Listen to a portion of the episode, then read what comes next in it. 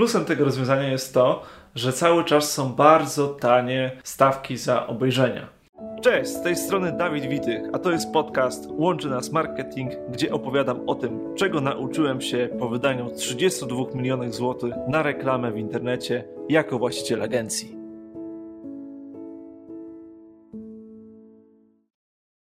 Tym odcinku Łączy Nas Marketing postaram się pokazać, jakie są różne rodzaje reklam dostępnych w ramach Google Ads poza reklamą w wyszukiwarce. Otóż właśnie najwięcej przedsiębiorców czy marketerów kojarzy reklamę w Google z wyszukiwarką, gdzie naturalnie, jeżeli jesteśmy na przykład firmą, która świadczy tłumaczenia, wpisujemy tłumaczenia Warszawa, no i wyświetla się reklama naszej firmy, można przejść na stronę internetową. To jest oczywiście taki najpopularniejszy, najprostszy typ reklamy w wyszukiwarce.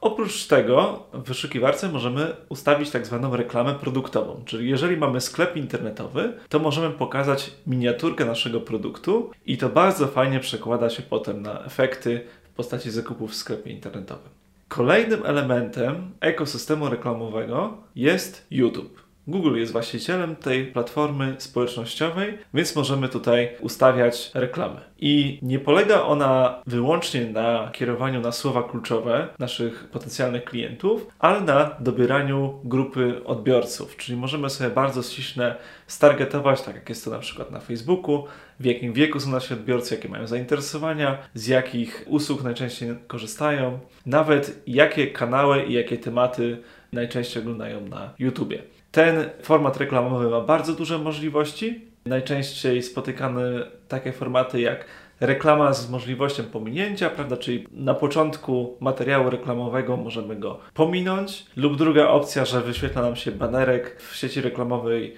YouTube, gdzie użytkownik może przejść bezpośrednio na naszą reklamę wideo. Plusem tego rozwiązania jest to, że cały czas są bardzo tanie stawki za obejrzenia. Tak jak już średnio powiedzmy za kliknięcie w wyszukiwarce płacimy parę złotych, tak tutaj jesteśmy w stanie w przedziale od mniej więcej paru groszy do 50 groszy za obejrzenie wygenerować na YouTubie. Więc jakby możemy tanim kosztem dotrzeć zarówno obrazem, jak i dźwiękiem do naszych potencjalnych klientów. Minusem jest to, że oczywiście musimy mieć taki materiał reklamowy, czyli musimy nagrywać fizycznie nasze materiały. Kolejnym elementem systemu reklamowego Google'a są reklamy displayowe, banerowe. I tutaj mamy w zasadzie trzy możliwości umieszczenia takich reklam. Pierwsza to jest aplikacje, gdzie możemy na przykład w aplikacjach mobilnych czy webowych umieścić targetowanie naszych reklam. To jest niezwykle tanie rozwiązanie i jeżeli zależy nam na wizerunku, czyli na jak największej ilości wyświetleń naszego baneru, polecane. Kolejna opcja to portale internetowe, generalnie strony internetowe, gdzie działa tak zwana sieć AdSense, czyli jest możliwość przez Google wyświetlania banerów reklamowych. To jest o tyle fajna możliwość, że jeżeli chcemy z konkretnego portalu internetowego z naszej dziedziny, z naszej tematyki skorzystać, a on współpracuje z tą siecią reklamową Google'a, to możemy bezpośrednio tam się wyświetlać i system pobiera opłatę tylko i wyłącznie za kliknięcie, za przejście potencjalnego klienta na naszą stronę internetową, a nie za to, że sam banner się wyświetla. Więc tutaj możemy znowu bardzo dużo fajnych wyświetleń zdobyć. Jeżeli korzystamy z opcji remarketingu, czyli ponownego wyświetlenia naszej reklamy dla odbiorcy, który już był na naszej stronie internetowej, to również i z aplikacji z portali internetowych możemy korzystać. No i taką najmniej popularną formą reklamy jest Gmail. Również Google jest właścicielem tej platformy do wysyłania zarządzania mailami, więc tutaj również możemy stargetować naszą reklamę i wyświetlać banery.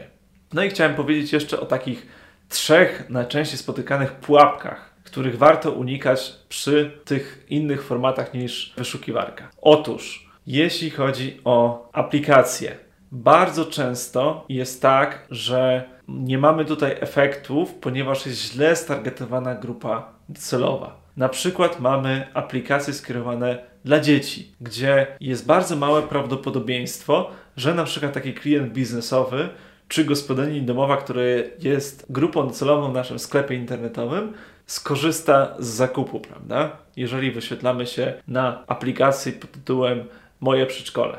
To samo Druga rzecz dotyczy wyświetleń reklam na telewizorach. Tutaj też bardzo często w bajkach, kanałach, które są skierowane dla dzieci, wyświetlają się reklamy.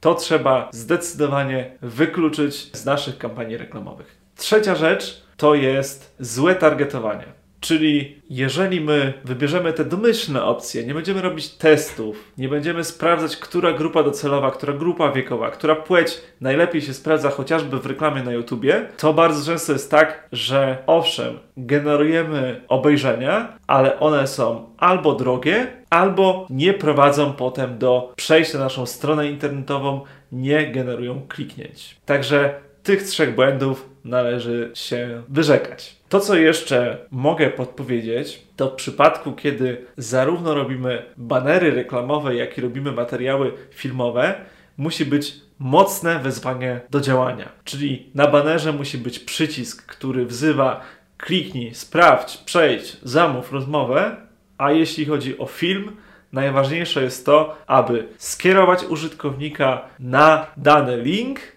i żeby ten link był pod spodem naszego filmu. Nie gdzieś tam w opisie, kiedy go rozwijamy, prawda?